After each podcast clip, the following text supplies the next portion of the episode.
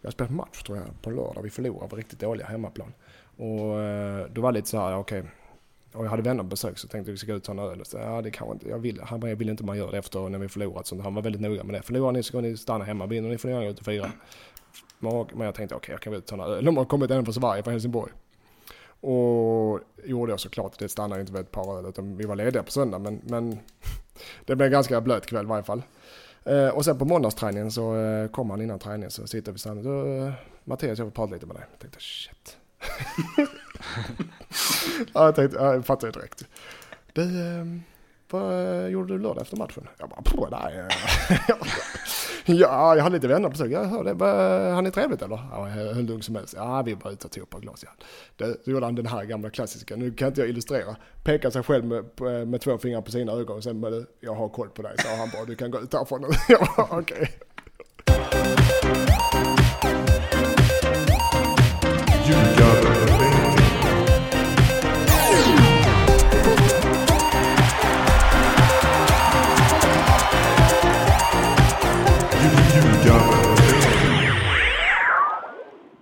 Jocke är gäst igen, hej! Hallå hallå! Jag är med som vanligt, Mårten Bergman och eh, Mattias Lindström sitter i Helsingborg som vanligt och eh, då måste jag förstås påpeka att vi sitter i Pornichet, det svenska landslaget har sitt läger under eh, EM. Lindström, du har haft en helvetesdag. Berätta. Ja. Det, alltså, ja, det, det beror på om man sätter det i perspektiv. Men i mitt, i mitt, eh, eftersom jag är uppväxt med en guldsked i munnen och mm. har varit fotbollsproffs och aldrig behövt kämpa för någonting i mitt liv. Så har det varit en fruktansvärd dag det här. Mm. det börjar med att jag går upp och eh, klockan sex och så ska jag med bussen halv sju. För jag ska till Köpenhamn och jobba. Eh, då är bussen sen och då blir det en sån här kedjereaktion för mig. Så att är bussen sen så blir båten sen. Är båten, missar den båten så får, så får jag ta nästa tåg. Och missar det tåget så får du nästa metro. Så det, det blir en kedjereaktion. Så det slutar med att jag kom 40 minuter för sent till jobbet. Missade ett möte. Det började där och då satt jag och svor lite. Men, men vi körde vidare ändå. Eh, och sen så skulle jag hem och då var det samma visa. Det är starkt visa. att du inte ger upp där. nej, nej. Men sen skulle jag hem och då var det samma visa. Sent tåg, eh, missad båt. Eh, och sen tänker jag, okej, okay, jag har min cykel stående här borta för jag var äh, parkerad för någon dag sedan. Så låste fast den. Kommer dit, ta, kommer hem, nu ska jag hem och äta innan jag ska spela in podd med de här två tomtarna. Och så ni två då. Och då kommer jag, och då är cykeln stulen. Cykeln, vet, jag fick den i 35% det är den bästa cykeln jag haft med liv. Den är stulen. I Helsingborg kan jag tänka det. I Skåne är det någon som stjäl en cykel. Det har aldrig hänt någonsin. Det händer det är bara uppåt. bara eller? Va? Är det bara Zlatan? Det är bara Zlatan på flyga. Cykeln är stulen. Jag tänker, ha det är kanon ju. Då får jag gå hem. Eh, det börjar ösregna. Och jag, och jag fortsätter gå och jag svär och svär och svär. Jag bara känner hur ryggsäcken och datorn hade eh, blött. Sen får jag skoskav av mina skor. Så jag tror att ta av mig skorna och gå barfota. Och jag trampar på en sten så det börjar blöda. Sen kommer jag hem och inte nog med att jag är hemma och är dyngblöt, då ska jag spela in en podcast med också. Så det varit en riktig jäkla skita. Eh, det, Men annars är det bra tack. Det här med stenen i foten låter ju nästan som något du adderar för att förstärka det hela. Nej det gör jag inte. Vill du se det? Kan, ah, kan du inte. Jag ska visa för dig sen en dag. Bild på. Eh, jag fick sy sju stycken. Nu adderar jag kanske. hade du låst fast cykeln? Jag hade kedjat fast den så hårt jag kunde i ett jäkla... Eh, I en stålram. Så att, hade du sågat upp den typ? Då måste ha gjort det ja. Mm. Nej, nu, nu pratar vi fotboll pojkar. Nu pratar vi fotboll. Några som haft det värre är ju det svenska fotbollslandslaget. Ja. Har de haft det? Ja. Det... Känns det som. Eller? Mm, de... Päronäpplen där lite. Vem? Vadå? Nej men när han trampar på stenen så är det ändå riktigt tufft alltså. Gå in för 30 000 svenskar. Man kan säga att din dag var som Sveriges första 50. Ni överdramatiserar. Tänk på så, mycket bonus de fick spelarna för den här poängen. Och så, jäkla illa kan det inte varit för dem. Va? Vad får man i bonus? Eh... För varje poäng du tar i EM så kan jag garantera att förbundet har satt en fet bonus. Ja, hur fet? Jag vet inte, per poäng, ett par hundratusen kanske. Va? Ah, inte per poäng kanske, per vunnen match. Eh, vi säger en 30 000 för en poäng kanske. 30 000. Ja. Ja, nej, då har de inte haft det lika jobbigt som du har det, men de har ändå Exakt. haft det lite jobbigt. Om jag, jag nu ska försöka... minus, jag har gått minus idag. Men... om jag ska försöka ja. spinna ja, på, på den, det, det, måste vi säga också, är det no... hur såg cykeln ut? Ja just det, om, det kan vi göra, eftersom vi har en egen podcast här kan vi göra en efterlysning. Ja. En svart cykel, märket vet jag inte. Tung. Jag har en sån här, det är en herrcykel, den har en liten fin korg där framme som man kan lägga, lägga öl i. Eller vad man vill. Och eh, jättefin svart med guldig text. Okej. Alltså, tung. Så ser ni en svart cykel med guldig text. Lyft den gärna. Men, Ja. men Nord, i- Nor- i de Nordic fina Bet områdena betalar, betalar eh, hittelön. Det gör de. Det gör de. 30 000 per hittad cykel. Jag hittade också. Svart med gu- guldtext och får de 30 000. Du, eh, Irland. Ja, Jag och Jocke har åkt eh, en del bil och då diskuterat hur katastrofalt eh, den svenska pressen har och fansen har hanterat eh, 1-1 matchen mot eh, Irland. Och vi ska plocka ut lite grejer där som vi eh, har irriterat upp oss över och redan ventilerat så det kanske inte blir riktigt samma tryck om det inte skulle visa sig att du eh, tycker att vi är helt ute och cyklar. Vilket jag hoppas det. att, lite att du tycker. Vi går in i det med eh, några ord från eh, Erik Niva, först i text och sen eh, som han sa i eh, Aftonbladets webb-tv-sändning efter matchen. Eh, då han säger så här, eh, först eh, från hans krönika. Och jag som precis, och jag som precis som satt, bara stavfel direkt. Sveriges, Sveriges bästa sportjournalist. Satt och funderade på om inte detta var vår allra sämsta mästerskapsmatch under min livstid.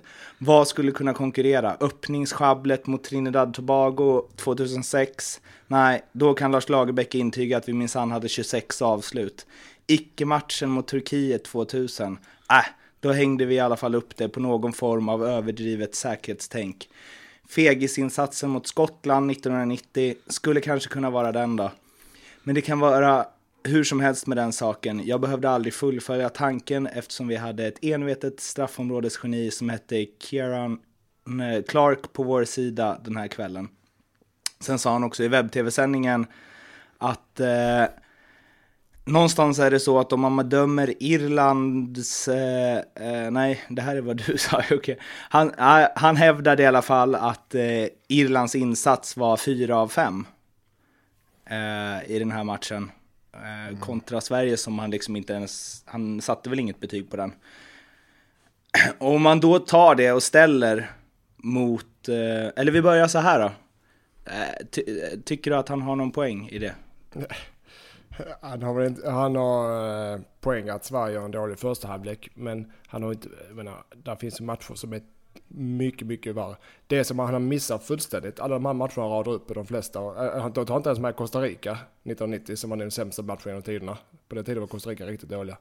Han tar inte med att Sverige tog en poäng i en EM-premiär mot ett Irland som är bättre rankat än Sverige. Det har han verkar han ha glömt. Men visst. Mm. Eh, vad tyckte du om matchen? Jag tyckte eh, också Sverige spelade dåligt första halvlek. Det var inte mycket att säga om det. Det var lite ängsligt och de tappade fullständigt eh, eh lagledarna. Eh, de höll inte ihop laget. Sådana grunder som, som, som ska sitta inför ett mästerskap. Som måste sitta. Men det gjorde inte den matchen. Jag vet inte om det var nerver eller det berodde på något annat. Och, vet, och en sån som Kim som i normala fall slår en crossboll hur lätt som helst på 40 meter 9 av 10 gånger. Han, han misslyckas med allt. Han har en dålig dag och det är dålig timing bara. Han är inte så dålig, det vet ju alla. Så att... Eh, men däremot så reser eh, Irland är ett bra, eh, eller eh, ett helt okej lag. Så att Sverige är väl i klassen med Irland egentligen. Så att det var... Sverige lyfter sig andra halvlek och har ju drömmen levande eftersom, eftersom de får ett kryss. Att I mina, ni vet hur jag är, i mina ögon så eh, hade jag tagit ett kryss i en premiär i EM alla dagar i veckan om jag hade varit eh, spelare i Sverige och förbundskapten. Och det tror jag de gör också. Så jag tror inte de, de skiter fullständigt den kritiken ni vad gör, det kan jag säga. För det vi diskuterar allra mest och som förde oss in på, ja, vi pratade ju säkert tio timmar om det här, men vad man ska... sex. Av precis. fyra. Fyra till sex till tio. Men skynda vidare. Men, men eh, vad man ska ha för förväntningar, om man ska titta lite tillbaka på de tio senaste matcherna som de båda lagen har gjort så hittar vi följande på Irland. De har vunnit över Schweiz, kryssat mot Holland, kryssat mot Slovakien som eh, nyss slog Ryssland, som Sverige förlorade mot i sin kvalgrupp. Vunnit över Bosnien, vunnit över Tyskland som slog Brasilien med 7-1 i VM för eh, två år sedan. Men nu gräver... Lyssna, kryssat ja. mot England, kryssat mot Polen och så plockar vi ut lite resultat från Sveriges senaste tio matcher. Kryssat mot Slovenien, torskat mot Turkiet, kryssat mot Estland och krossats på hemmaplan av Österrike som förlorade mot Ungern med 2-0. Mm. Eh, och också det att man ska se att Sverige kanske hade den lättaste kvalgruppen man kan tänka sig och ändå tvingades till att spela ett playoff för att gå vidare till EM. Du nämnde också Lindström, Irland är över oss på eh, världsrankingen och ändå målas det här upp som den lätta matchen. Ja, eh, ja, nu måste jag faktiskt ha lite mothugg. Vi är ändå på samma sida hade Macke men jag måste ha lite med, Jag tycker inte om personligen när man jämför resultat så, för det är en, en match i ett EM-mästerskap lever sitt eget liv. Så jag tycker det, eh, det är svårt att säga, okej, okay, Tyskland vann med 7-1 mot Brasilien, men eh, Irland slog dem så de är bättre än Tyskland. Det fungerar inte så. Men, men jag håller med, Irland är ett bra lag. Det, det, är inget, det är ingen annan som säger något. Eh, jo, det är precis det det är. Ja, nej, nej kanske. Men jag, vi som kan fotboll, då, jag, eh, jag säger då, eh, vet att Irland är ett bra lag. Och Sverige kan bättre än de spelar mot Irland. Men det är bra resultat för Sverige. Och det är jag övertygad att Sverige kommer gå vidare. Det är jag inte men... men 100 procent! 100 procent alla i veckan. De har goda... Ja, deras chanser är ju inte sämre nu. Mycket sämre nu än vad han började mästerskapet. Innan, innan, innan hela matchen. Bara att de spelar så jäkla dåligt i 45 minuter. Så alla tror de kommer att förlora med 10-0 mot Italien. fungerar inte så. Jag tror inte de vinner mot Italien, men jag tror italienarna är jävligt nöjda med kryss också. Så det kommer ett solklart kryss mot Italien. Sen så vinner Sverige eller kryssar mot Belgien sista matchen, pang så är de vidare. Så glöm, har du glömt allting mot Irland-matchen första. Men har vi en skev liksom, förväntan på vad, hur bra Sverige ska vara? Alltså sett till ja. resultaten Sverige gjort så, har, så är ju 1-1 mot Irland inget liksom häpnadsväckande. Och... Exakt, det är exakt vad jag menar. Jag, så jag, jag hade tagit det resultatet alla dagar i veckan. 1-1 mot Irland i EM-premiär med, den, med den nivån Sveriges landslag är på nu. Om inte Zlatan är i sån här überform. Det är där Sverige är och det är godkänt. Det, det, det, måste, vi måste ta det där efter. Jag kan inte springa, jag kan inte springa 100 meter på 11 sekunder, kanske 12. Men, men, men jag menar, eh, nej nu är det en dålig jämförelse men, men, men eh, man får ju sätta förväntningar efter eh, materialet också. Sverige har bra, okej okay, landslag men det är inte, det är inte klass med Italien eller eh, eh, Tyskland eller Frankrike utan det är klass med Irland. Varför, eh, Jocke, varför tror vi att alla våra kollegor har så höga förväntningar på Sverige?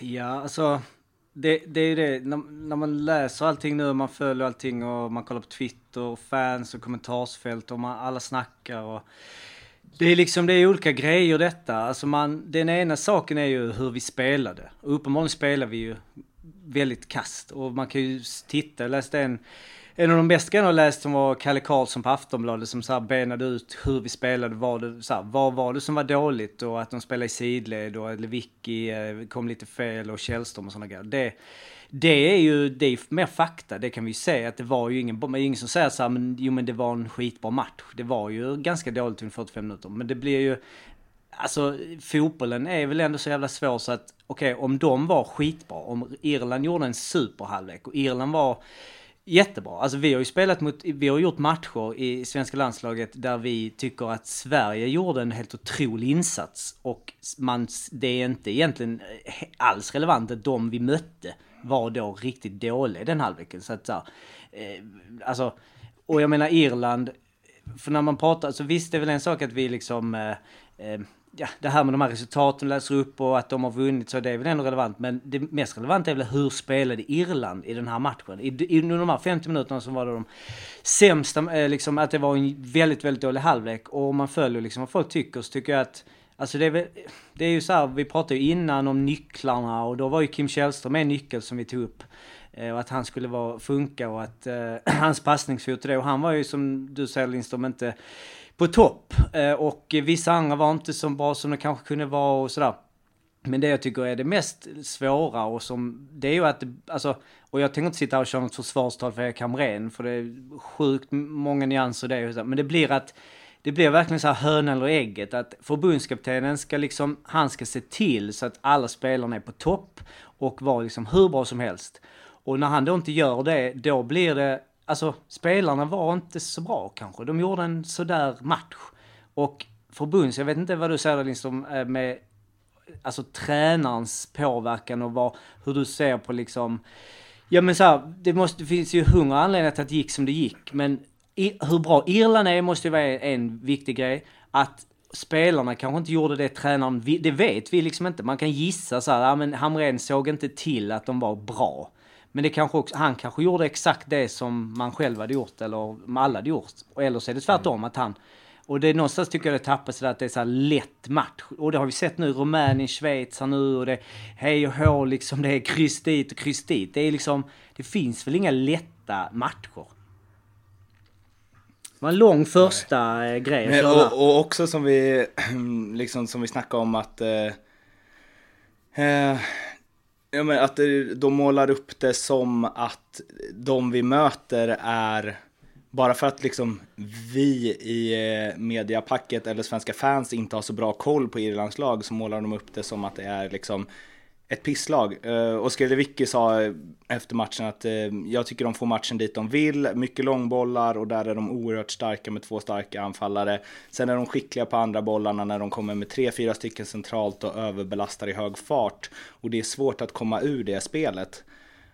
Och då känns det som liksom att folk har några förväntningar att men det ska Sverige bara lösa. Och om vi inte då ska rabbla gamla resultat så snackade vi ändå om så här hur bra är spelarna? Och jämförde mittfälten till exempel. Um, Sverige har en spelare från Leipzig, Zweite Bundesliga, Kim Källström i Grasshoppers som är väl strax under toppen i Schweiz, en från Malmö FF, en från bänken i Sunderland, medan Irland hade en från Derby som är superordinarie, en som spelar nästan alla Premier League-matcher i Stoke i år, en som spelar nästan alla Premier League-matcher i Norwich i år och en som spelar nästan alla Premier League-matcher i Everton i år. Det är klart att om de är bra så måste ju Sveriges spelare vara på topp. Är ja, du kvar? Nej, jag, jag, jag, jag, jag, förstår det, men där, där har du en jämförelse jag kan tycka relatera lite mer till. Men alltså jag menar, det är bara löjligt eh, eh, att man går ut efter ett kryss i en öppningspremiär i EM och sågar ett helt lag, precis som, det, som hela EM är förstört. Alltså det fungerar inte så. Jag är övertygad om att svenskarna sitter så här nu i på hotellet eller var de nu är någonstans och så eh, går de igenom matchen och eh, de tar ju säkert, har säkert läst det, viss kritik, de kan väl inte undvikit det och går igenom, okej okay, vi analyserar matchen första halvlek, gjorde vi så och så fel, det får vi inte göra mot Italien, ska vi spela så och så och så. Andra halvlek gör det bra, gör så bra och så bra och så bra. Eh, och går in till Italien med en positiv syn och stänger ute allt brus för media, för det, det, så pass professionella är de. Och kommer eh, vara på en helt ny nivå mot Italien. Eh, det är jag helt övertygad om. Det betyder inte att det räcker, men de kommer att lyfta sig i Italien. Men sen är Italien kanske en klass över Sverige. Men eh, som jag sa, ett kryss mot Italien ligger väldigt nära till hans, enligt min, eh, min oddsbok. Men att, om det, det Jocke var inne på med så här Hamren, liksom att han får mycket skit och det har varit mycket så här att han inte har någon spelidé och det fanns inga tydliga linjer. Kan du se, för uppenbarligen så kan ju Niva, Bank, Lund, Kalle Karlsson och kompani nu låter det så här Kalle Karlsson som att det är ett hittepånamn. Men liksom massa journalister som påstår att de, att, Sverige, att liksom Sverige inte hade någon spelidé. Hur vet man om Sverige hade en dålig spelidé kontra att eh, spelarna inte gjorde det som Erik Hammarén hade instruerat dem till att göra? Ja, nej, alltså de, de, hade, de slarvade lite spelet, det är en sak. Jag tror inte de, det var nog folk som eh, var lite ängsliga och inte gjorde riktigt, de försökte, men kanske inte gjorde jobbet hundra ut. Men däremot så har de ingen aning om eh, Sveriges, eh, eh de direktiven till enskilda spelarna. Det har de inte. Och, och ger du direktiv till Zlatan så kanske han gör tvärtom, det är undantag. Men vi tar en sån Seb Larsson som alltid är 100% för laget och alltid gör som han blir tillsagd av tränaren. Jag tror han, eh, jag tror Erik Hamrén är ger han fem av fem getingar eller om man eh, la humlor eller vad fan det är för något. Eh, för att eh, hans jobb. Jag tror han gjorde exakt som han blev tillsagd att göra. Sen om man missar några tekniska grejer och sånt, det är en annan sak. Jag, jag tror han gjorde exakt som han blev tillsagd att göra. Och det, det, som... det, får man inte glömma bort. Det vet väl inte eh, journalisterna hur han ska spela. Nej, men de det som alla journalister står... Det som alla gnäller på, att det inte finns någon tydlig spelidé och att det inte har liksom utvecklats en sån under sju år med Erik vid rodret. Du som spelare, du som dessutom har haft Erik Hamrén som tränare. Eh, kan du liksom, kan du, hålla, kan du på något sätt hålla med om det eller är det att Sverige har för dåliga spelare för att spela det spelet som Erik vill? Nej, nej Sverige har ganska bra spelare. Men, eh, med, eh, på vilka mått. Men man har tydligt spel. Det var väl ganska tydligt att eh, Forsberg drog in i planen för att öppna till Martin på kanten så att slå inlägg. Det var väl ganska tydligt. Det kunde man inte missa hur man än, hur man än såg matchen. Det är väl en tydlig spelidé om någonting, eller?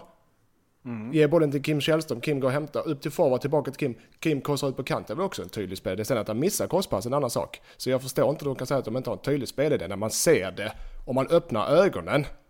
Nu blir jag irriterad. Hur fan kan de säga att det, det ser väl vem som helst? Sen att det inte lyckas är en annan sak.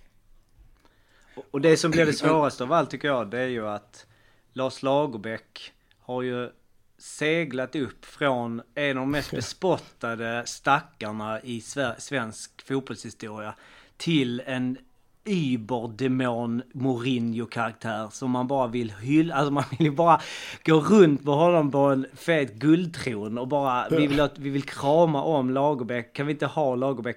Ja. Och Alltså vi är, är liksom i mitt i den här smeten. Alltså det de gjorde mot Portugal var helt otroligt och Island har 300 000 invånare. Det liksom, bör man inte säga någonting om att det inte är fantastiskt. Men jag kan inte fatta att man inte ibland Eh, alltså om vi hade spelat otroligt defensivt mot Irland, verkligen sådär parkerat bussen och spelat mer kanske, nu har vi inte någon, ja men Värmblom, speciellt spelat Värmblom och någon och liksom riktigt gnetat och sådär. Eh, det vill väl ingen? Alltså vill vi det? Det vill vi inte tror jag. Och, och då är det så här, okej. Okay, ja, ja, då förlåt, man... ni bröt. Ni får börja. Jag sa en stund igår. Förlåt. Det sista jag hörde var att han bars runt på en, eh, en krona. han, han, eh, man lyfter runt, upp honom på en... Eh, piedestal. På en piedestal. Och man vill bära runt honom som en uh, Iber uh, Mourinho-karaktär som är liksom världens bästa tränare. Och han, är, han var ju, tog oss till massa mästerskap och jag har enorm respekt för Lagerbäck och liksom vadå. Det är klart man har. Och det de gjorde mot Portugal var ju helt fantastiskt eh, med, eh, alltså de spelar efter sina resurser man spelar men det blir ju sådana extrema extrema, extrema drag när man ena stunden eh, typ sågar Sverige för en, det var en usel insats, vi har ingen, liksom, det var verkligen dåligt på nästan alla sätt. Det är ju så tycker jag liksom generella analysen har varit. Och sen då Island som ändå har ett ganska bra fotbollslag. Det är många duktiga spelare. Det är inte, alltså det är inte något så här San Marino som har bara trillat till ett mästerskap. Och när de då går in och spelar, alltså får massa avslut mot sig mot Portugal, gör massa, det är liksom de här räddningarna. Och en match som jag tänkte på, som vi pratade om, som man ju kommer ihåg som en, en eh, jäkla bragdmatch. Det var ju Sverige-Argentina 2002. När vi, alltså var ju helt, eh, alltså det var ju helt sjuk, eh, liksom köttande av Argentina. Vi hade ju ingenting. Det var ju sådär, bara sluten till hörna, bara banka iväg den och allting. Och den kommer man ihåg som en, en uh, otroligt bra match för Sverige. Wow, vi tog en poäng mot Argentina. Nu är ju, nej, men jag bara säga, nu är inte Argentina Irland och det, nej, när man jämför. Men ändå. Men det, men det är de här, det är liksom, ja, det känns som att när, alltså den här nationalistiska synen på Sverige, att fan vi ska vara liksom, det är ändå Sverige. Man skiter i, och det kan jag köpa om man säger det. Jag bryr mig inte om 1, 2, 3 ABC. Jag bara tycker vi ska bara vara bättre. Det är det jag vill. Jag bryr mig inte. Jag kommer, jag kommer ända in i döden då hitta alla möjliga grejer för att det ska bara bli bättre. Tränar för dåligt, då kör vi en ny tränare. Eh, vi ska ha ett annat spelsystem. Nu funkar det inte. Och så bara kör man på det ända in till, alltså så. Det är ju typ det nästa man gör för att eh, och man kan liksom inte titta tillbaka och tänka att så här, ja men, eh, oh, kolla här, eh, 2008 då var det ju jävla fin fotboll. Då är så här, jo men då hade vi kanske Henke Larsson, vi hade eh, Fredrik Ljungberg där. Och, och, och man, alltså Lars Lagerbäck, vilken, alltså den den eh, kurvan han har gjort i så popularitet i Sverige är ju helt ofattbar. Igår på Twitter var det såhär Lagerbäck, vi vill ha tillbaka dig och sånt. Vi, alltså det, och det kanske är gött liksom, men jag vet inte. Och Hamrén, tänk om det blir samma med Hamrén, jag har tänkt så många gånger. Alltså hans arv kanske om liksom några år bara, kommer ni ihåg Hamrén då? Det var ändå fint. Jävligt rolig fotboll, vi hämtade upp mot Tyskland och vi liksom, när ingen räk, när alla hade räknat ut oss då klev Hamrens offensiva gladfotboll fram. Om Janne nu liksom eh, fuckar upp Trashar sönder det helt. ja, nej men det, det, det, det hela bottnar väl i som sa, Island fick eh, fantastisk cred för sin match mot med all rätt. Och, och Lagerbäck får ju ännu mer cred också med all rätt. Han är, också, han är en duktig tränare. Har alltid varit det. Men, men man måste också, Island och Sverige håller jag rankar ungefär lika högt på, som, som lag. Island Precis. har ungefär samma klass på spelarna som Sverige. Irland lika så. Så att jag menar, eh, folk stirrar sig blind på att vi möter Irland, det är det som är hela grejen. Hade det varit Argentina och Sverige som du sa, Sverige spelat ett lika och så, så hade alla varit nöjda och glada. Men mm. man får inte glömma att det är inte som förr i tiden. Där finns, som du sa, där finns några ängagäng och det är San Marino och det är... Eh, Malta. Eh, vad sa du? Malta. Malta och, Malta och Eh, något till kanske, Vatikanstaten. men, men, eh, men det, är verkligen... det är rätt jämnt alltså. Kolla på Albanien ikväll mot eh, Frankrike. Det är väl Albanien, Frankrike, Albanien, EM i Frankrike. Det kommer Frankrike vinna med 5-0. Nej, det kommer de inte. Vi får se. 100 procent. Det blir extra 100%. inspelad podd ifall eh, om Frankrike vinner med 5-0. Ja. Nej men, um, man skulle ju om man ska liksom hårdra det, nu är det inte så att jag kommer ihåg exakt hur Sverige och Argentina var, men man skulle kunna påstå att spelmässigt så gjorde Sverige en sämre match när de kryssade mot Argentina 2002 än vad de gjorde när de spelade 1-1 mot Irland för ett par dagar sedan.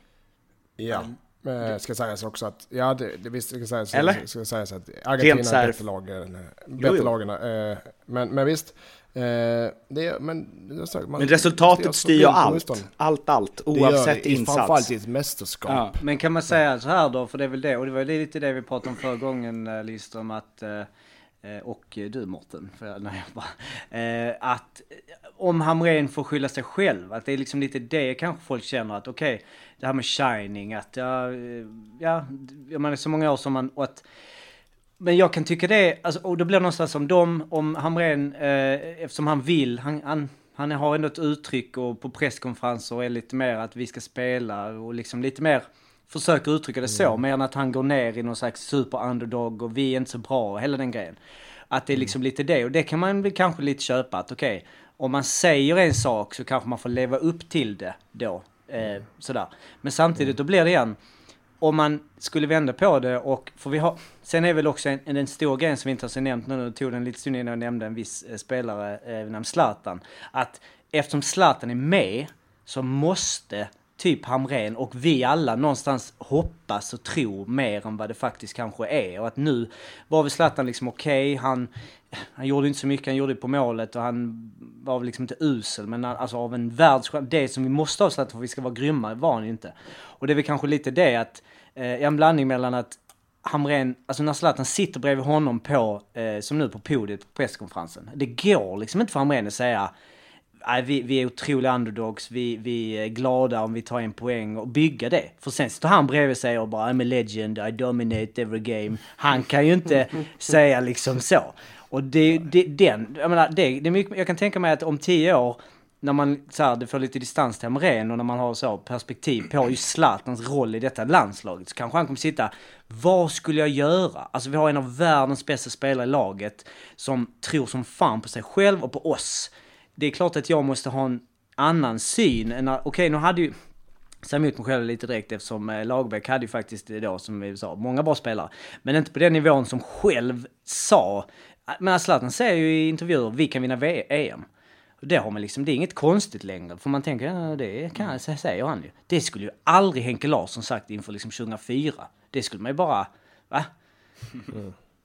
Det påminner mig lite om liksom, eh, din tid i Helsingborg där när tränarna satt och försökte tona ner förväntningarna och du alltid stod bredvid och sa I'm a legend, I dominated everywhere I go och så vidare. Så, så, säger jag fortfarande. Jag hade en frispark rakt upp i krysset i division 4 i helgen. Den snyggaste frispark i hela karriären. Jag har väntat tills jag slutar på elitfotboll med att göra det. Hyschade du åskådarna? Jag, jag, ja, jag, vi var på hemmaplan. Du hyschar dem ändå? Legend. Jag hyschar dem ändå. Skulle du säga att det är de vackraste frisparkar som någonsin har gjort, slagits på en fotbollsplan? Det är I varje fall division 4. Det måste det vara, annars förstår jag ingenting. Men för att komma tillbaka, jag, vet, om man, tänker in sig själv i Hamrens situation och har Zlatan i laget som, och, och vara en tränare. Jag hade faktiskt, ärligt talat, jag tror inte jag hade reagerat mycket, eller styrt det mycket annorlunda än vad de som var förbundskaptener har gjort. För det är inte lätt, det är som du säger Jocke, det är inte lätt. Hur ska man hantera honom. Man måste hantera, man måste ge honom fria tyglar. Man måste låta honom säga att han är bäst i världen, vi ska vinna varenda match och ni har mig i laget och kan vi vinna mot den. Man, det måste man låta honom säga, annars blir det bara uh, upp och nervänt. Så det, den är känslig och den är svår. Och, och det vet ju alla om ju.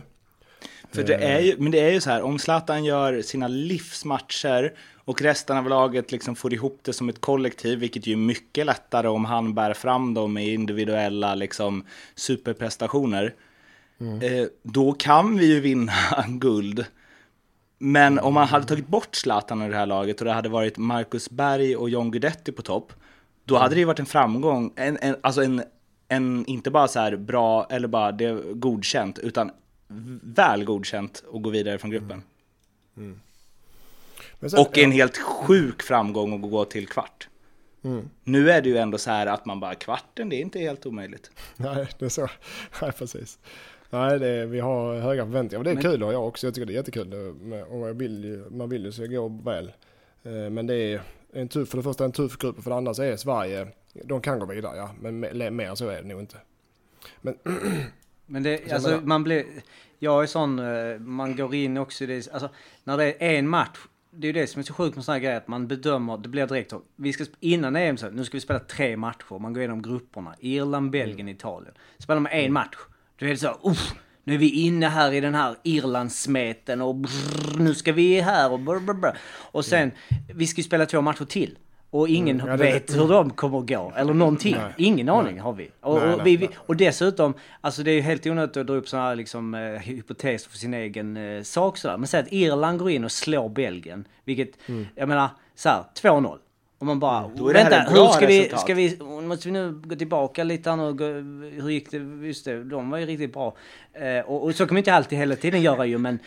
men också ja. enligt Erik Nivas resonemang, att det var en fyra att spela 1-1 mot Sverige. Alltså Irland får fyra, äh, fyra av fem på det, och Sverige mm. får ett av fem på det.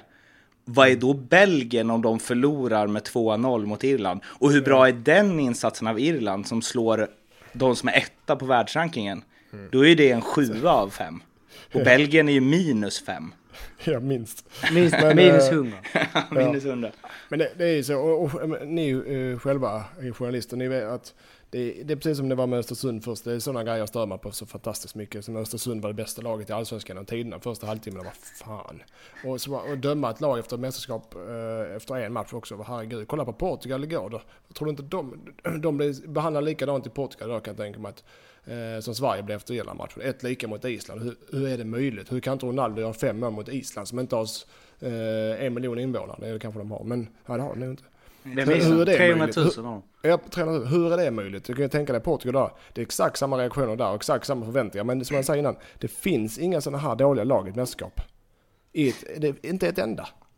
Vi har ju, jag har ju gått och liksom um, dumförklarat dig lite i, i när du sa att uh, att eh, Falkenberg inte skulle ha 10 mer poäng om de hade Cristiano Ronaldo i laget. För jag hävdar ju bestämt att han åtminstone hade gjort lika många mål som Marcus Antonsson har gjort för Kalmar. Det vill säga typ 10-12 stycken och att det hade gjort skillnad. Och eh, Jocke har varit på min sida där tills mm. efter matchen igår. 1-1 eh, mot Island och liksom Ronaldo ställs mot Sävarsson i Hammarby och ja, allt vad det är. Mm. Eh, men det, eh, Då skulle han gjort några mål där också. Då, där han dessutom spelar i ett mycket, alltså med mycket bättre medspelare. Ja. Där, så det, där måste jag be om ursäkt ja. för att jag liksom, eh, ja. På, utan att du vet om det, har hånat din åsikt. ja. Men det gläder mig att du, att du vet förstått rätt. Jag, eh, den, jag skulle faktiskt vilja ha en liten enkät någonstans och fråga fotbollsspelare i Allsvenskan vad de har sagt. Till och med Falkenberg spelar. För att jag tror, du har nog fått samma svar av i alla fall 90% av alla fotbollsspelare. Han hade inte gjort 10 mål för Falkenberg. Inte en chans i världen. Men då, då har vi pratat om detta då, om vi ska gå in på det. Jag tycker det är intressant så här. Vilken spelare som av alla världsspelare som hade varit bäst för Sverige att ha och som hade gjort mm. den största skillnaden. Och då nämnde vi till exempel så som Luka Modric. Att han, om, om eh, Falkenberg, skita i Falkenberg kanske, men att eh, för Ronaldo Messi Eh, att, att en sån spelare, säg att vi hade bytt ut eh, Oskar Lewicki mot Modric. Som är, så, helt, som är ju magisk på mitten och som styr spelet och gör egentligen vad han vill och han kan liksom göra de andra bättre. Eh, där kan man väl ändå kanske hävda att en sån spelare, eh, även om inte han är bättre än, eh, nu tror jag i och för sig som en parentes att Messi hade gjort, eh, han, hade, eh, han hade gjort massor med mål i Falkenberg. Men det är en parentes, för han hade tagit bollen och dribblat av, för det gör han i spanska ligan, då hade han gjort det i allsvenskan. Eh, kanske inte Ronaldo. Men Modric, tror jag, du... måste, jag måste rätta det, han måste spela ett lag som för matcherna, det gör inte Falkenberg. Han Nej, har jag vet, men bollen. Han har tror- inte fått röra bollen på hela matchen. Ja men han hade ju fått röra boll. Tänk ändå, jag menar helt psyk- rent psykologiskt. Alltså om du, när du spelade, om du hade fått in, eh, alltså eh, eh, Messi. Och, eller i, i, i då, när ni var tillbaka press och sånt. Det blir väl en annan, det blir en annan psykologi i matchen om de, så här, och dess, alltså om vi slänger in dem direkt från Barca. Att han får bollen, då blir ju de ju bollförande. dem lite. Ja, de kommer ju inte, det kommer ju inte vara eh, liksom... Jag tror att alla Messis lag i Allsvenskan hade ha, nästan, kanske inte haft bollinnehav, kanske inte att Falkenberg hade liksom rullat runt på det sättet. Men det blir ju något annat lugn och de hade dessutom fått ha minst två gubbar på honom. För att jag menar, alla vänsterbackar i Allsvenskan hade ju, det hade ju blivit åka av när han hade kört. Och då hade de ju fått ändra sin taktik, då hade en mittfältare kanske fått lite mer och så så. Eller? Ja, nej, eh, Jo. jag, eh, jag förstår att ni tänker så, men det hade, jag säger det, jag är 100% på det. Det hade Nej. aldrig, 100%, det hade är aldrig 100%. fungerat så, någonsin. Inte så. Men hade han spelat i ett bra ett topplag så hade han gjort det lätt. 10 mål, lätt kan jag säga det. Ja, Då hade han gjort inte så. 20 mål. Förmodligen på 10 matcher. Men det funkar inte så i fotboll. Du kan inte ha en spelare i bottenlag och helt plötsligt vinna. Ja, men 10 mål ja, extra. om vi går tillbaka ja. till Modric då. Ja, Att få Eh. in en så, alltså för att, och en väldigt tydlig grej, och, återigen Oskar Lewicki i mixed zone efter matchen, så sa jag det, bara, var det nervositet eller vad var det som gjorde, för ni slog liksom bort enkla passningar när, eh, när ni knappt var pressade liksom. Även om Irland sjönk tillbaka så var det ändå så här passningar som liksom gick två meter fel och ut över linjen och så. Och han bara, ja nu ska jag, jag ska ju inte liksom eh, skylla på det här, men planen var väldigt, väldigt snabb snabbare än en konstgräsplan. Och då blir det lite snett så hinner man inte riktigt dit. Och då kände man, och då, då hade vi pratat om det här med Modric innan, om man liksom hade fått in honom i Sverige, mycket det hade betytt. Luka Modric hade ju aldrig slagit en passning lite fel för att planen var snabb.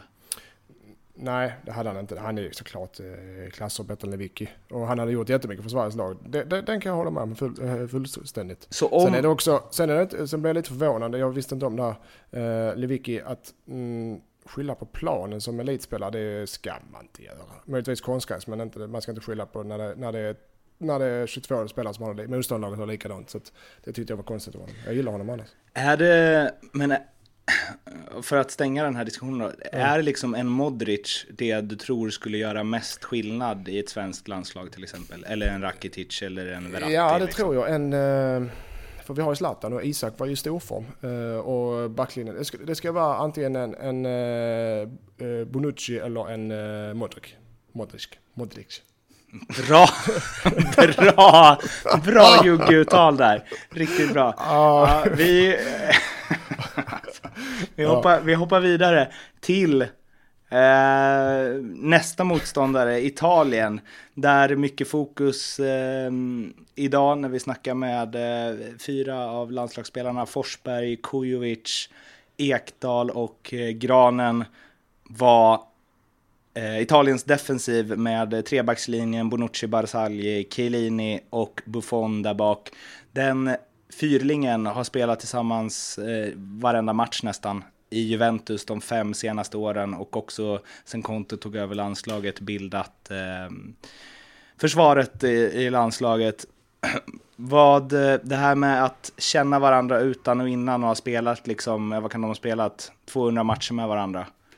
Hur mycket betyder det kontra att bara spela landskamper med varandra? Frågar du mig eller? Mm. Du som Ja. har gjort både och. Ja.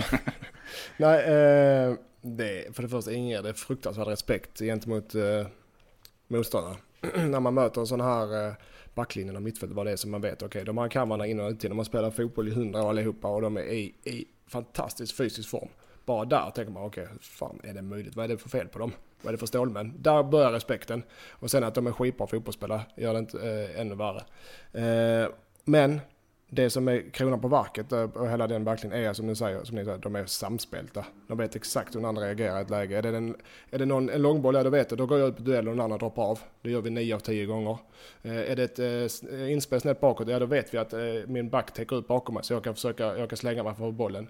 Är det en hörna, ja då vet jag, jag har den gubben, han tar den gubben, jag tar han som är bäst på huvudet, han tar den som är näst bäst på huvudet. Eh, kommer det, vad ska vi säga? Eh, blir det löpdel, ja det kan vara bättre att släppa den till, eh, låter han ta den snabba spelaren för han är snabbare med. Alltså de kan varandra in och ut till och de fungerar ihop, det är det som är hela grejen. Plus, de har Buffon där bak som är, jag vet inte, eh, han styr med sin pondus och rutin och sin glöd styr han, kan, han kan styra hela laget utan att säga ett ord på matchen. Det räcker att titta på dem. I ryggen. I ryggen. Du känner blicken i ryggen. ja, men lite så. Det känns lite så. Jag, det är bara jag som fått det. Han, när han står där bak och han ja. bara står, oh, står som en flamingo med armarna bak. Så plötsligt så bara ser man dem i backlinjen. Okej, okay, nu är pappa Buffon sur på oss. Nu får vi skärpa oss. lite så. Den känslan får jag att... Uh, lite Bengan Andersson. Lite Bengan Andersson, Flamingo-Bengan. Mm. Men, men ja, den uppfattningen har jag. Och, och jag menar, de är ju de här fyra äh, gubbarna är ju bäst i världen i mina ögon. Bästa backlinjen i världen. Men när du, ähm, liksom, du, du spelar ju HF i flera år och äh, i och för sig sen gick du till Ålborg emellan. Men jag tänker sen när du har gjort ett klubbyte och kommer liksom till en klubb, ja då kanske man ska ta Österrike som exempel då, där du aldrig har spelat med någon av spelarna förut, du känner inte till dem överhuvudtaget. Mm. Eh, blir du då liksom en sämre spelare för att Alltså jag tänker så här att du bara, i det tidigare laget visste du vem som var snabb. Du visste vem som skulle mm. göra sin gubbe. Du visste vem som spel, alltid spelade snett inåt bakåt istället för att slå ett tidigt inlägg. Alltså... Mm. Ja, nej, det, du har rätt. Det, det, är det som är problemet. Många lag har problem med i dagens fotboll. Att byta spelare för mycket så det blir ingen kontinuerligt eh, spel i laget. Eh, och då, eh, desto mer, längre man spelar med, med sina lagkamrater, desto bättre blir man ihop med dem. Det, det är helt klart. Så är det. Va, var, var det, det, var inte det frågan? Jo, frågan. jo. Ja, ja. Men, men jag tänker kontinuitet, man pratar mycket om det, att det är så himla viktigt. Jag vet, Andreas Alm sa en gång att det kan bli för mycket kontinuitet eh, också. Men jag tänker ändå ja, att de positiva grejerna med det alltid väger över. Ja, inte i landslag kan det bli för mycket av det. För de, de, Nej, men de i klubbar. spelar inte så ofta. I klubbar kan det kanske bli, ja. Det är mest att det, är en, eh, att det måste ha en cirkel som är, går på, eh, går eh, på rutin eller går bara går på vad det vad där. Ibland måste man bryta kanske mönstret lite med någon spelare hit och någon spelare hit. Men jag ser inget negativt att ha ungefär samma 7-8 spelare i en, i en kärna i ett lag i 6, 7, 8 år. Har det varit så i de lagen som eh, du har varit i som har varit framgångsrika? tänker gulden med Helsingborg ja. och gulden ja, med Ålborg. Ja, då hade vi en kärna. Det var kanske inte 7-8 år, men i varje fall i 4-5 år där vi hade 7-8 spelare som, som var navet i det. Som aldrig var utbytta och alltid startade. Och, ja. Och det, det, det, fungerade, det fungerade för oss, så det är därför jag har den erfarenheten också. Mm. Sen är det väl också mycket kemi, alltså man kan ju... Yeah, yeah. Man kan ju faktiskt eh, liksom bli förälskad i varandra ganska snabbt. Eh, alltså jag, spel, jag spelar hockey till exempel så vet jag att eh vi fick in, alltså jag spelade när jag, från jag var liksom, men typ samma lag från nio upp till vi var alltså juniorer. Och vi mm. mötte hela tiden, spelade Limhamn då, vi mötte hela tiden MIF och vi mötte hela tiden samma lag vi var. Men sen fick vi in en spelare från eh, ja, från ett lag då Trelleborg och liksom Alltså man bara pratar, inte liksom världsfotboll nu om det finns skillnader som kan man diskutera hundra år, men mm. liksom att man kan faktiskt hitta varandra ju jävligt snabbt och man, mm. det finns ju någonting i, i det som gör att man kan, att man verkligen sådär och, och jag kan tänka att eh, det ju, måste vara en skillnad med, alltså för, då, då pratar jag mest egentligen anfallsspel, för jag var liksom en offensiv spelare. Att mm. defensiven känns det som att, det, det kan väl aldrig riktigt vara något negativt om man alltså ett mittbackspar som har varit i många, många år. Eh, förutom kanske ambitionerna, det är väl en annan sak att man blir lite mätt kanske om man ska ta nästa steg och sånt. Men mm. om man kollar Bonucci, Barzagli, Chiellini är, eh, är liksom absoluta världstoppen, det är Champions League, det är så. Alltså, det måste mm. vara en äh, jäkla trygghet för dem att spela där. Och det finns, jag vet inte, finns det någon historiskt som har, det känns inte som det finns något som har varit så här många år och så bra och bara kör på. Nej, inte, inte, det finns det kanske någonstans, men inte på den, inte på den nivån tror jag, som de är. Världsnivån. Och det är väl också något som säger, Italien har haft sina framgångar de senaste åren, för Jag tror, alltså när de har varit långt framme i turneringarna, jag tror att Juventus har haft liksom sex spelare i startelvan då. Sex, sju mm. stycken. Ja. Uh, och men, om kan man dra det liksom så långt att om det är två mittbackar som är halvbra, men har mm. spelat tillsammans i liksom fem år, alla matcher mm. hela tiden. Mm. Att det till och med kan bli sämre om du värvar en ny, bättre mittback och bryter den konstellationen. Till en början just, alltså. Ja, just eh, i mittbackpositionen så tror jag faktiskt det. Eh, lite extremt men det, ja, det, det är inte omöjligt eh, att det blir så. För du har också, eh, det gäller inte bara mittbackarna utan det gäller spelarna runt omkring mittbackarna. Mittbackarna, målvakten är ju navet. Eh, det, mm. det, är de som håller ihop det och ska göra det i alla fall. Så visst, mm. Eh, du har en grupp spelare framför dig också som lyssnar blint på mittbackarna säger för de är längst bak. Om, en, om jag spelar innermittfältare, yttermittfältare och jag hör mittback säga höger, höger. Så går jag till höger eh, 10 av 10 gånger för jag litar på honom. Mm. Kommer helt plötsligt en ny spelare som man kanske inte kan eh, exakt spelsystem och, och rörelsemönster och allting och han säger vänster, vänster. Så tänker jag okej okay, men eh, min, gamla, eh, min gamla mittback eh, sa höger men nu säger han vänster. Men jag gör ofta som han säger då. Men eh, så det kan bli sådana smågrejer. Så, så jag hade hellre tagit två gamla rävar än att tagit in en stjärnmittback. Som, någon gång måste man byta såklart men inte, inte om det inte hade varit nödvändigt. Och där är det väl också lite i landslaget eh, har ju Hamrén fått kritik för att han har bytt mittbackar mycket. Någonting mm. som ju, den kritiken har ju lite försvinn, försvunnit då. För nu är de, har de ju varit bra. Och det är mm. också sådär att, eh, nu kommer vi tillbaka så här hela tiden att man ska eh, vara i affekt mot alla och hej och ja, man vill gärna ut och slåss lite sådär. Men att det, alltså försvaret var ju, det var inte så mycket i, i mittbackspelet och i det defensiva positionsspelet rent eh, när det väl kom inlägg och det väl kom som inte funkar och det, och det känns som de var ganska synkade. Det kom e-, ett inlägg, e-, ett läge där med John O'Shea slängde sig fram och de kanske kom lite snett. Men annars var det ju ändå så här, så det var skott utifrån, två stycken, ett som gick i ribban, ett som målet var det ju Forsberg som eh, slöfsade på, han är ju mittfältare och alltså om man nu tänker på det. Mm. Och eh, nu inte så att liksom, vi ska, eh, att Hamrén då ska ha cred för det kanske på det sättet, men det där, eh, eh, nu var egentligen min poäng då att de har bytt mycket och att det skulle då visa sig att det var lite negativt. Så då eh, snurrar upp mig själv där lite. Men eh, alltså, det, där, där, känns ju som att eh, om till exempel Jonas Olsson eller eh, vem det nu än har varit som har varit inne i landslaget och är in och ut och HH att det skulle eventuellt kunna, om vi nu säger emot då det här, då, att, det, det, att, det skulle, att det svenska försvaret skulle vara sämre på grund av att man har bytt mycket. Nu har väl i och för sig de spelat ganska många matcher, Eke Johansson och Andreas Granqvist. Och han nu kom i och för sig Johansson in och, Victor, och Nils Lindlöf fick gå ut. Men om jag bara ska liksom eh, flika in på, eh, på ytterligare där, att defensiva spelet, om man nu ska, nu ska vi möta Italien som var rätt, eh, rätt ruggiga i det. Det tycker jag känns, det hade känts läskigare om man hade känt den här gamla känslan att oh, det är liksom, det, är, det läcker där bak och sånt. Mm. Men också som att, ja, jo. Mm, nej, men eh, jag, eh, jag håller med. Alltså. det var en svår poäng att plocka upp eftersom jag, jag, jag, jag gjorde alla möjliga olika... jag, jag, jag, jag var en ett kryss två. Och jag bara, jag håller med dig, jag håller med dig. Och jag tänkte, ja, vad kom vi fram till? Men, eh, nej, men eh, Sverige, anledningen till Sverige har bytt är väl eh, att de, har, eh, de som har spelat har väl inte fungerat. Det är skillnad om du har ett mittbacksbak som fungerar, men Sveriges mittbacksbak har inte fungerat. Det är därför de har bytt för att hitta rätt konstellation just upp till EM.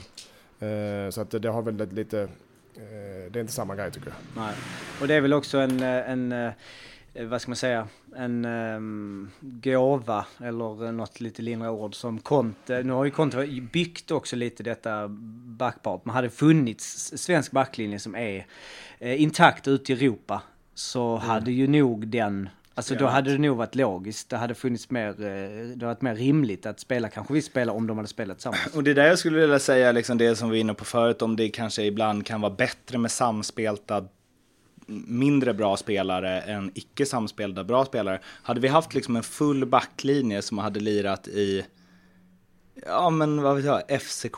Hade vi inte IFK Göteborg? Hade inte, var inte, var inte det svenska landslaget eh, på, där på 90-talet? Eh, eh, eller om man tänker... Tänker vi K-Mark, fast... Micke Nilsson, Jocke Björklund. Harlingmark, nej han var inte med i landslaget. Fast i och för sig, inte VM 94, då var det ju inte alls så. Men Nej. tänker inte jag, har vi inte historiskt haft någon där det var Men alla de framgångsrika åren så känns det som att vi har haft backlinjer som har spelat tillsammans länge. Jocke Björklund och, Ja. och eh, i Bjärred, då var det väl... eh, Det enda bro- exemplet är väl egentligen när någon skadades där och Andreas Jakobsson kom in. Med kort varsel. Det var Janne Eriksson? Janne också. Nej, var han med Nej, då? han var inte med 2002? då. Nej. Nej, Nej, det var Bjärred var det ju. Det var Patrik Andersson som gick sönder inför Ja, just det, 2002. just det, Och så var det Mellberg. Var det Mellberg? Nej, det var Jocke Björklund och... Nej, inte Björklund. Nej. 2002. Ah, vi har koll. Eh, I alla fall. Eh, eh, Lindström, mm. har du några exempel på spelare, antingen som du känt så här, alltså det här är en bra fotbollsspelare men det finns ingen synk mellan oss, han passar inte där jag vill, jag springer inte där han vill, eh, i alla fall till en början. Eller, en- eller och spelare där du har haft liksom tvillingarna Sedin connection från start, där du bara, vi tänker exakt likadant, kan slå blindpass, han kommer vara där från liksom första träningen. Jag får inte säga Kristoffer Andersson på den sista. Nej men det kan, den sista är ganska lätt. Det har jag faktiskt eh, eh, under en tid i HF så spelade med Marcus Holgersson bakom mig på högerbacken. Eh, och han, eh, han, han, he made me complete kan man säga så? han, han var väldigt, eh, han, han passade ut mig väldigt bra. Eh, han släpade och dammsög bakom mig. Och kom ändå med i det offensiva spelet och var väldigt lugn och säker i sitt snack och tog på sig stor del av eh, eh, både anfall och försvarsspelet. Så jag trivdes ihop med honom och vis, vis, visste alltid att vad han än säger, det han säger bakom mig är rätt. Jag visste exakt vad han, det han sa det gjorde jag blint, litade på blint och det fungerade. Eh, och var det någon gång när han sa fel eller han kände han fel, då sa han det. Okej, idag, eh, idag var det kanske inte riktigt mig Mattias, utan det var mitt fel att du, han kom fri där då. Okej, fint tänkte jag. Okej, jag har aldrig gjort något fel tänkte jag. Men han bara, nej, eh, Marcus Holgersson, han går till eh, Ålborg nu från eh, Cyp- Cypriotiska ligan. Eh, en, en spelare jag hade tagit alla dagar i veckan att ha bakom mig. Eh, och eh, sen spelare som jag inte i, i, i Österrike. Nej men i Österrike hade jag, där, där, där kan jag ta det för där har jag ingen relation med personligen med spelare. Men jag spelade faktiskt i en backlinje där med, med, eh, med folk som var jätteduktiga fotbollsspelare men som hade noll taktiskt kunnande. Och eh, de litar inte på till fem öre ute på fotbollsplan. Vad de än sa så, så, så eh, försökte jag faktiskt göra som sa, men Mark det här blir bara sämre. Jag får, göra, jag får köra mitt eget race. Och det var nog fler än jag som tänkte så. Det var därför det gick som det gick. Men eh, när man känner så, okej vad han än säger så blir det bara fel. Så, och om man gör tvärt emot eh, sina medspelare, då är det oftast inte ett bra lag. Så där hade jag några spelare som tänkte, fy fan alltså. De Så- ingen aning vad Inklusive tränaren. Ni har ingen aning vad ni pratar om alltså. Så om han skrek på dig bara täck upp vänster, vänster Så och så gjorde jag du det. det och då bara sprang spelaren förbi och var fri. Exakt, Typ. så var det i början. Men efter ett tag så tänkte jag, "Nej, det går inte. Jag måste göra som jag är van vid. Jag har lärt mig det hemma i Sverige. Så det gjorde jag. Och det gick bättre, men inte tillräckligt bra. Men det tänker jag att det, det, det måste ju nästan vara liksom kärnan i, alltså det du berättar nu i di- i din karriär eh, Mattias, att så många spelare som är ute i Europa och, och i olika lag av olika slag, att man sitter på kammaren och tittar på karriärer och bedömer liksom olika äventyr och det har gått dåligt, gått bra och hej bara utifrån någon slags så här, du ska bara vara bra. Och eh, om man kommer, om man tar fel beslut och man kommer till ett lag där, ja men som du, alltså man spelar högrytter och det är en högerback som är eh, helt, helt konstig och annorlunda, kanske är bra. Hur det blir ju såklart en helt annan upplevelse i, i, i, hur, alltså, i tryggheten att vara en bra spelare. Vilket ju, men det, är, det skiter man ju Det är ju aldrig så. Ja. Man sitter ju inte och bedömer sig, men vänta vi måste först kolla här nu. Vilka spelar han med? Var de, hur var de? Så, ah, det var ju jävligt svårt för honom att vara bra där, för de var ju de är helt dumma i huvudet. Det struntar man ju helt i. För man tänker, ja men då får du ju bara fixa det. Du får bara vara bra. Ja, nej, nej, det finns ju, eh, jag förstår att det syns in lite. Det finns ju hur många exempel som helst på fantastiska fotbollsspelare som hamnar i ett land eller ett lag eller i en liga där som inte kan hantera, ungefär som mig i Österrike, eh, som man inte kan hantera fantastiska fotbollsspelare. Och då blir det lätt eh, fel. Jag menar jag har spelat med spelare i, eh, kommer inte på kanske exakt exempel, men som är helt, helt magiska fotbollsspelare. Men så passar de inte in i systemet eller tränaren kanske inte gillar dess spelstil. Det kan vara vad, som helst. De kan inte lyssna på sina lagkamrater som jag gjorde. Eh, och då blir det fel. Det kvittar hur bra fotbollsspelare med. Så det har mycket med miljö och, och eh, lagkamrater att göra, det har det helt klart. Där vill man ju Och ha ett även, exempel även, upplös, som även, uppfostran, även uppfostran på ungdomsfotbollen. Om du tar en holländare och slänger in en holländare som blivit uppväxt, uppvuxen med, med Ajax-kvadraten i, så han var tre år gammal och slänger honom in i superettan så hade han blivit manglad. Han hade inte haft en chans. Så att det är också mycket, även om han är tio gånger bättre fotbollsspelare än alla tekniskt sett. Så det är också, det har mycket med uppfostran och fotbollen att göra. Men där det, är därför jag... det är så bra, förlåt, det är därför det är så bra med, med eh, all, eh, eh all, allt som händer i svensk fotboll. Eh, alla influenser, allt som kommer nu. Det blir, svensk, den svenska fotbollen har helt nya dimensioner som ni ser med alla, lands, alla ungdomslandslag, inte bara U21 utan alla U19, U17 och U16. De vinner ju alltid med mig. Sverige för fasen bland de bästa i världen varenda årskull. Det är helt fantastiskt för det, vårt lilla land. Och det är en utveckling för framförallt för alla invandrare som har kommit men även tränare för andra ställen. Så det, Sverige är alltså långt, långt framme i ungdomsfotbollen. Riktigt, riktigt långt. Och det kan man väl ha flika in som en eh, så här, att det är väl kanske också då relevant i att när man sen ska bedöma det här EMet, eh, tyvärr då, eh, sett till vår första tes, att vi inte är så bra och att vi, de andra lagen är så mycket bättre. Att det är kanske också en aspekt som man faktiskt får ta in, att vi vann U21-EM. Att det mm. då kanske mm. borde ha lett till la la la. Men å andra sidan så finns det ju spelare som Ja men nu om vi kommer tillbaka till matchen lite grann, Lewicki som eh, var en av, en av de bästa i, i U21-EM och som ju skri, många vrålade in, och, alltså många ville ha in U21-spelare. Och där är en som mm. faktiskt har fått chansen nästan kanske, eh, jag ska absolut inte säga oförtjänt för han har varit, eh, han, han har förtjänat platsen ja, och mot Danmark men, mm. men liksom det, det, han, han har ju tagits in och han är ju liksom så och, och det, han var inte så bra nu och då så. Och det var klart det var fett av Sverige att vinna U21 EM men man får ju också tänka på att liksom vilka spelare England hade kunnat ha med. Eller Spanien, alltså, det, eller Italien. Ja, om, jo, om de hade haft med sina bästa då hade jo. nog inte Sverige vunnit. Nej, men ändå för sånt, ni måste tänka på Sverige, 9 miljoner invånare. Det är jätteimponerande. Ja, absolut. Eh, men sen håller jag jag, alltså, jag vet att folk skriker efter U21-spelarna. Jag tycker också att de är många duktiga spelare. Gudetti och, och Lewicki är väl... Eh, på, Lewicki startar, Gudetti lär ju starta på, på fredag. Så jag menar... Tror du det? Kan inte plocka, ja, det tror jag. Du kan inte plocka in...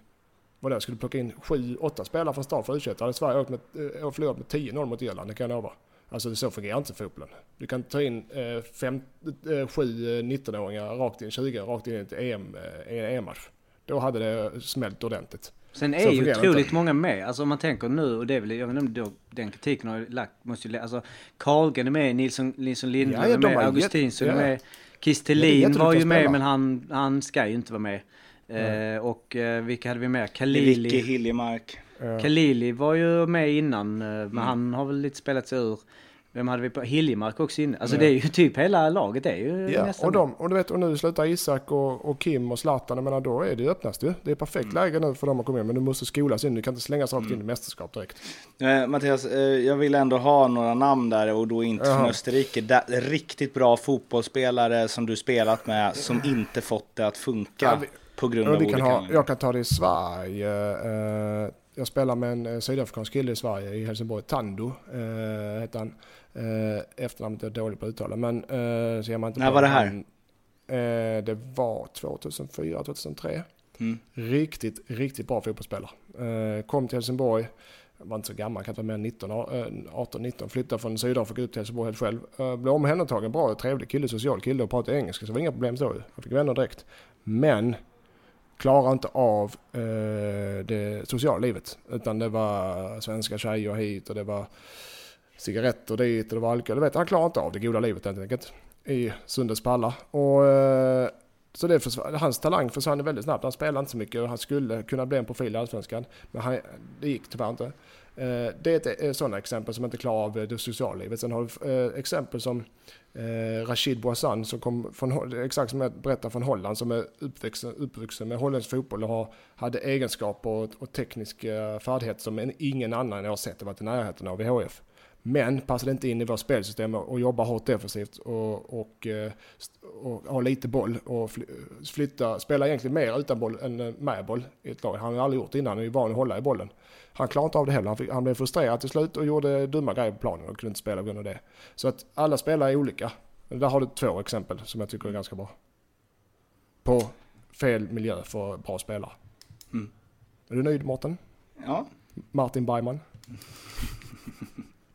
Nej, det är taskigt. Nu är det taskigt. Ni var taskiga med mig tycker jag. Um, nu var vi inne lite på Lagerbäck innan, men det är ju punkt tre.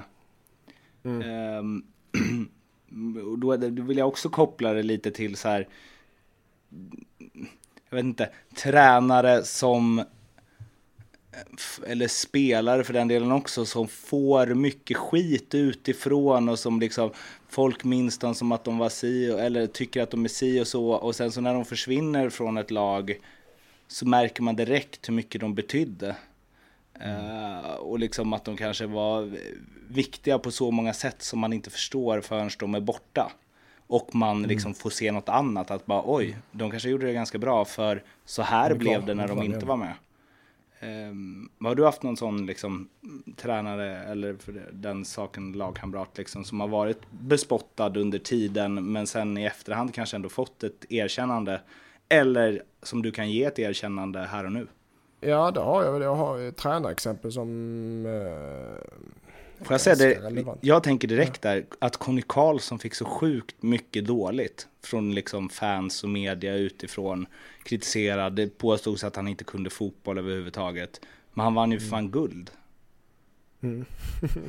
ja, nej, eh, Conny Karlsson, är, han och Per-Ola Ljung tillsammans är ett exempel. De vann ju, de, de vann ju allt. Vi vann ju alla matcher som gick att vinna eh, hela tiden. Eh, och de två var roligt. Men, men deras ledare. Jag, jag vill ta fram båda två för deras ledarstil tillsammans gjorde oss spela bra. Conny Karlsson, den här eh, lugne eh, mannen med, med, som, som bröt in ibland, det röt till när det behövdes men annars så höll han sig lite i bakgrunden och observerade. Och Per-Ola Ljung som assisterande tränare men, eh, men som tog det tyngsta taktiska lasset. Eh, och styrde upp eh, vårt spel. De två tillsammans hade en fantastisk eh, symbios som, som vi spelade direkt märkte, okej, okay, de vet vad de gör de här två grabbarna. Uh, och sen blev det det mest framgångsrika i HIs historia. Och det förstår jag inte varför de inte fått mer cred för.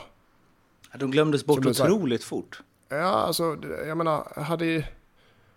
Uh, jag, jag, jag, förstår inte. Ja, de, de blev ju såklart creddade, men inte med den Uh, inte i den utspridning jag vill, hade velat. För att uh, jag förstår inte riktigt uh, varför inte faktiskt om jag ska vara ärlig. Jag tyckte bara att det verkligen var så här, liksom ut med huvudet före och sen så in med någon ny. Och sen så, alltså, för, för att hade Henke Larsson tagit HF till guld, Mm. Hade ju han varit sen, kung igen. Ja, alltså, jo, men det är också, ändå, men... ja, han är en ändå. Men, men den, det, det kan bero lite hur man är som person. Är du, är du mer eh, mediakär och du är mer utåtriktad och social eh, så får du, du får, du får mer cred när det går bra, men du får också mer eh, Eh, ja precis, när det går dåligt får du också mer skit. Så att det hänger väl ihop lite. Och varken Conny eller P.O. var väl sådana här så de eh, slog sig inte för mycket brösten, gick bra och de höll sig ganska lugna när det gick dåligt. Så det, var, det blev väl lite så här flytande där tyvärr. Lite mellanmjölk, även om de var i klass för sig.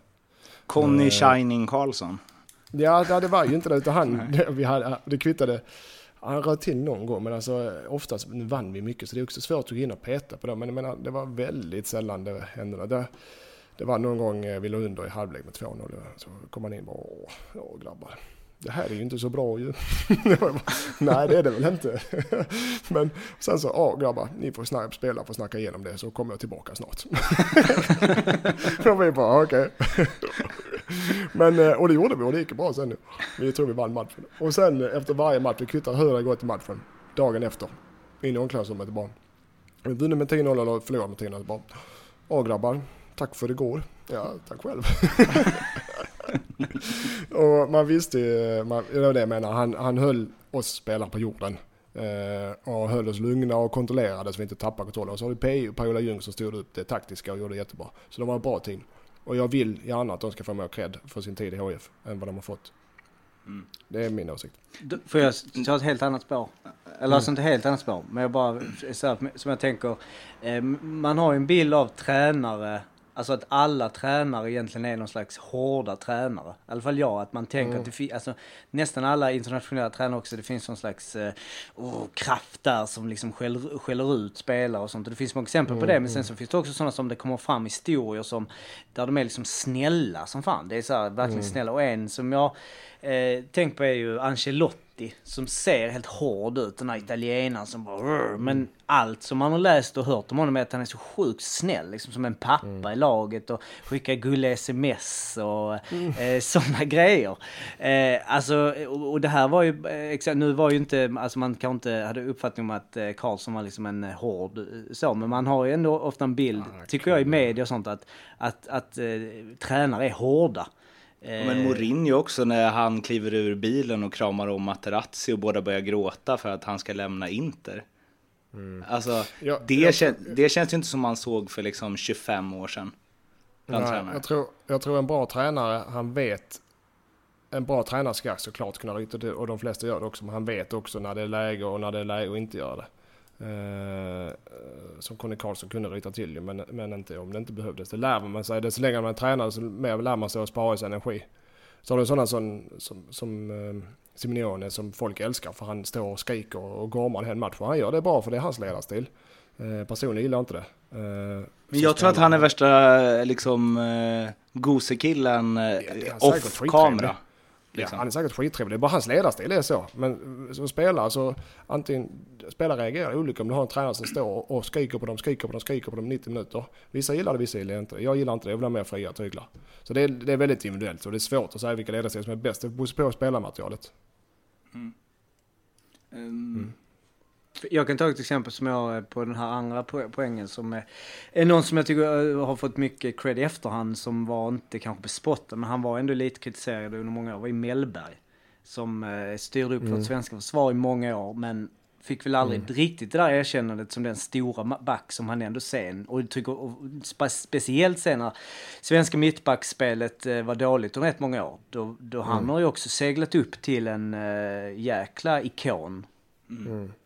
Ja, ja, nej, Mellberg är en fantastisk spelare. En sån spelare som jag har gillat i alla år. Och, och visst, det blev det kan vara lite så som artister. De, nu är inte Mellberg död. men, men, eh, eh, det Tränar i lite- BP division 1, det är inte långt Ja, ifrån precis. alltså. Nej, nej, ja. Den, eh, men jag menar, det, kan, det är som artisterna, när de dör, då blir de kända, då blir de, får de recognition. Och det är samma med, med eh, att, eh, vad heter det, konstnärer och liknande. Det händer inget förrän att de dör. Då säljs deras tavlor för det tio, gånger- tio, tio gånger priset vad det gick ut för innan. Eh, när de levde. Så det, kan, det kan ju vara något som tränare, det är svårt att vara profet eh, eller spela för den och i sitt egen hemstad eller hemland. Men när man väl försvinner, då är helt plötsligt, okej, han var kanske inte så jäkla dum. När man ser vad som kommer efter. Om man drar den vara- till extrema och man kanske kommer att klippa bort, jag vet inte. Men alltså om Erik Hamrén skulle liksom eh, köra ihjäl sig inom kort. Eh, ja, ja, vi, vi ska, ja. Eh, så hade ju hans, eh, då hade han ju, man hade ju haft en ganska annorlunda inställning och eh, han hade ju förmodligen hyllats eh, med all, alltså det är ju så här, d- d- Ja, den, som, det- det var lite extrem. Ja, Vi hade ju minst eh, liksom 4-4 mot Tyskland mer då. Ja, det hade vi nog gjort. Det är det som Ja, står på hans eh, nu, är det gravsten. långt ut pojkar. Men alltså, men, ja, nu, vi är på samma spår där. Alltså, det, det är ju, det är ju att, att så länge man... Gräset behöver inte vara gröna på andra sidan. Är, och, och, eh, om du förstår. Livet eller? Nej, jag tänkte på spelaren. Ja, det är också svårt att se om, eh, om tio år när, vi, om vi, eh, när Granqvist har slutat och vi har, det kanske han kommer i samma situation som Elba. Tänkte, Fan, Granqvist, han var fan en av de bästa mittbackar vi haft i Sverige. Isak är på väg att bli en sån spelare. Is- Han Isak kommer att segla upp. Han kommer att bli Ja, en enorm. Och- legend alltså. Ja, och där ser du, han har varit, bes- inte bespottad, men han har varit rätt kritiserad under sina år. Och, och han kommer, han kommer komma i en sån situation. Och där är det, det är bara för att han går med sitt slut och så kommer han göra en bra mästerskap förhoppningsvis. Och då kommer han gå från 0 till 100. Det är perfekt, det har han förtjänat, men det, det är så, det är rätt så eh, psyket fungerar hos fotbollssupportrar, även hos mig ibland. Och någonstans, Att, eh, det du sa där, gräs till grönare, det skulle jag säga definierar, det är själva, det är själva eh, taglinen för, Mm. Alltså inte hela svensk fotboll, men i eh, landslaget. Alltså gräset Mm. är alltid lite, lite, lite grönare på andra sidan. När Teknisk fotboll, försvarsspel, nu, nah, nu är lite, vi vill alltid, vi vill ha lite, lite, och det kanske är bra. Det är kanske det som gör att, Men- det vi snackar om med U70 nu, det, att det, det, det, det är kanske hela nyckeln och någonstans hela det här med med media och pressen och fansen som tycker det är skit och det klagas sig och hår. Det kanske också, alltså motsatsen kanske inte alls är det vi ska eftersträva, att man ska vara nöjd hela tiden och vi ska, åh men det är ändå bra, hej och hå. det, det, sådär. Det får man ju säga. Men gräs är alltid rätt mycket grönare när det gäller speciellt svenska landslaget, tycker jag. Ja. Ja, det, det är väl så. Men, och det är inte så... Eh, det är inte så olikt i många andra länder heller. Jag vet Österrike nu efter förlusten mot Ungern så var det inte nådigt där nere. Alltså, de har samma, eh, Österrike är ungefär samma nivå som Sverige, även om de vann enkelt hemma. Så är det landslaget ungefär samma nivå som Sverige. Lite, lite bättre kanske. Men Ja, jag menar, de, de, de, de, folket i Österrike som väntar sig minst en kvartsfinal hos dem och de kommer aldrig gå till kvartsfinal. Så att eh, det är inte bara i Sverige vi har den pressen på oss. Eh, två frågor kring det vi pratat om nu. Först, eh, Erik Hamrén, hur skulle du sätta in honom på liksom kompistränare kontra skrik och gap-tränare? Ja, jag tycker han har ganska bra balans. Den tiden jag hade honom i alla fall. Gav, ibland så kände jag, fick jag känslan av att han, när det gick för bra för oss, så då, då, ibland plockade han fram, inte negativa grejer, men ibland eh, drar drog han ner oss lite på jorden. Och, och ibland när det gick dåligt för oss i längre perioder, då lyfte han upp eh, våra bra. Så han var väldigt, väldigt skicklig på att hantera psykologi, psykologin där, hur man ska hantera framgång och motgång. Så det tyckte jag han var duktig på. Eh, även har jag fått ett par utskällningar av honom, det kan jag lova. Jag har också fått mycket beröm av honom. Så att jag tyckte han hade en ganska bra balans. Framförallt är han en bra människa. Så att han, han känner av spelarnas välmående rätt bra tycker jag. Har du, att, någon, eh, han, han, han har bra balans. har du någon värsta utskällningsanekdot att dra så här Ja, det under jag. EM-tider? jag. Jag har en riktigt bra. Mm. Eh, jag vet inte om jag tagit den innan med dig Mårten. eh, över tror inte det. Många öl. Men... Eh, eh, ska vi säga, jag spelade, när jag var, kom upp i HIs A-lag så hade jag Åge Hareide som tränare. Och då sp spelade, tränade vi på Olympia. Jaha, Ja, jag tänkte med Hamrén, men ja. Jaha, nej men det, det Åge Hareide istället. Den Okej. här.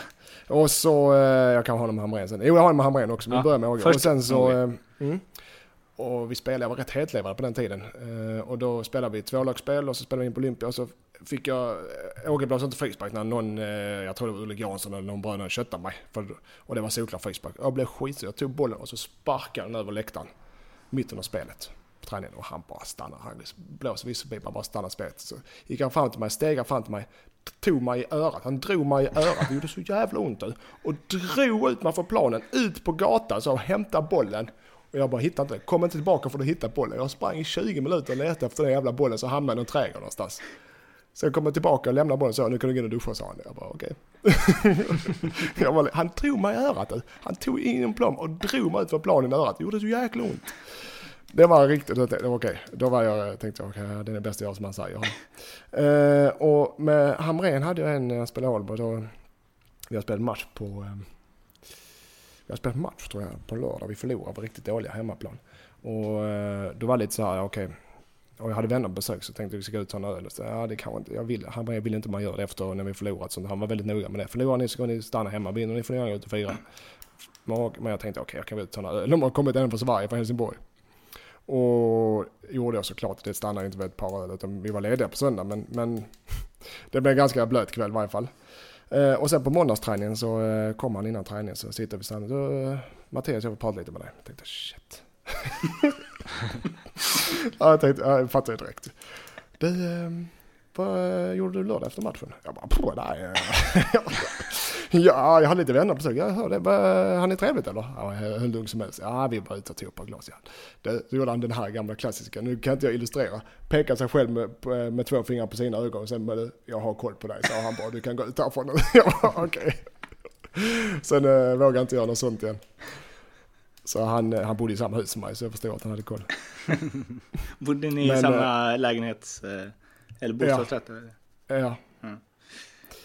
Ja, men då var han, jag såg på honom, han brann, men han behövde inte säga något för jag, jag, jag gick med svans mellan benen ute och visste att jag gjort fel. Sånt som händer. Det låter som en ganska snäll eh, eh, ändå. En, Jämfört med Utmaning. Hareide? Ja. ja, det var det väl, men det var samma budskap ungefär.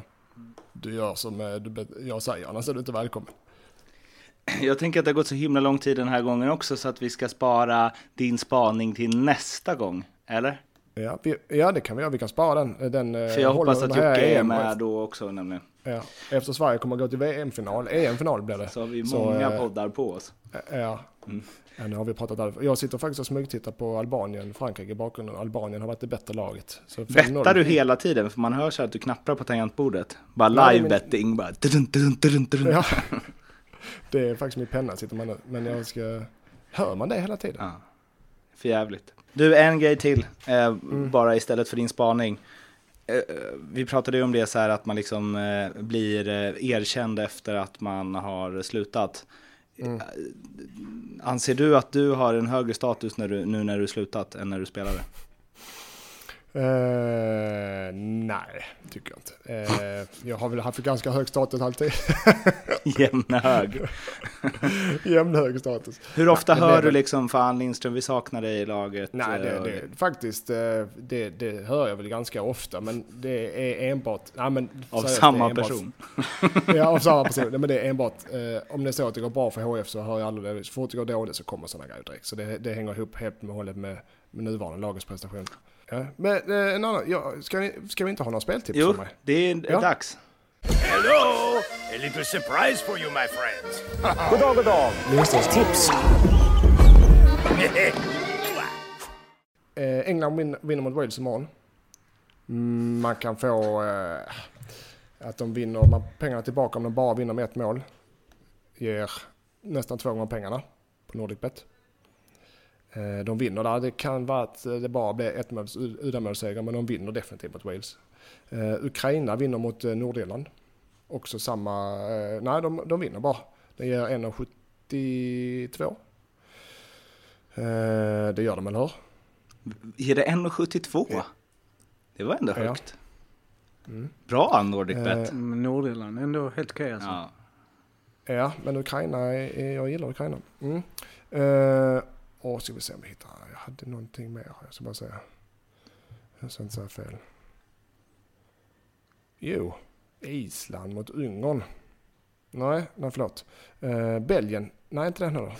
Nej, nu är jag ute och reser. Riktigt jo, bra sista Spanien. Turkiet, förlåt, Spanien, Turkiet under 2,5 mål, uh, 1,93.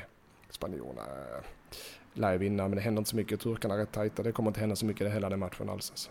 Vilket om du får pinpointa ut ett, vilket blir det? Eh, Ukraina, Nordirland. Ukraina vinner. Hopp, det var det va? Mm, det var det väl. Vi eh, klockar in på eh, alldeles för lång tid. Ja. Ingen Förra, veckan, förra det. matchen blev det ju eh, cash tillbaka. Draw no bet. Det var ju eh, bättre än att sätta på Sverige i alla fall. Ja, precis. Ja, ja. Det, klar. det bettade jag på. Innan så matchen. det var ju Plus minus noll. där. Ja, den var ju klar. Alltså det krysset det låg- har legat i luften i fan med hur många månader som helst nu Mm. alltså. Eh, så ja. 100 procent. Men eh, 100 procent. Du, eh, eh, eller ni ska jag säga, eh, som eh, lyssnar, vill ni lyssna på tidigare avsnitt eh, så är det Nordic Bets, eh, eller på ljugarbänken på Soundcloud eller iTunes. Och vill ni snacka med mig på Twitter är det att Martin Bergman. Vill ni snacka med Mattias på Twitter är det att Spelkingen. Och vill ni snacka med Jocke på Twitter så är det inte det du sa i förra Nej, programmet det. utan... Alltså min Twitter är inte den här eh, stortwittern. Nej, Men, men eh, det, finns en väldigt bra då- bild på eh, Magnus Wolf Eikrem och eh, Roy Keens eh, son. Ja. Jag tror det är Osterberg Joakim. Mm. Det här är, eh, jag, jag lanserar lite hårt så att, eh, jag tror det är det. Och eh, hittar ni honom inte så mejla på ljugarbankenpodcast at gmail.com. Mattias, Mm. kul att du ville vara med.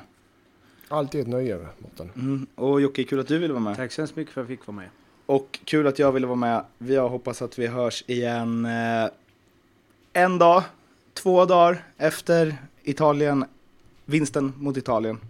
Eh, Ja, ska, ska jag berätta förutsättningarna då? Då kommer Sverige ha eh, kniven på strupen för att måste vinna mot Belgien. Eh, det var kanske lätt tippat, men efter ett kryss mot Italien. va- ja. Ja, skitsamma. Ja, Ja, eh, vi hörs. Ciao! ja vi hörs. Ha det bra. Hej. Aj! Bra sista instick där som verkligen kryddade hela.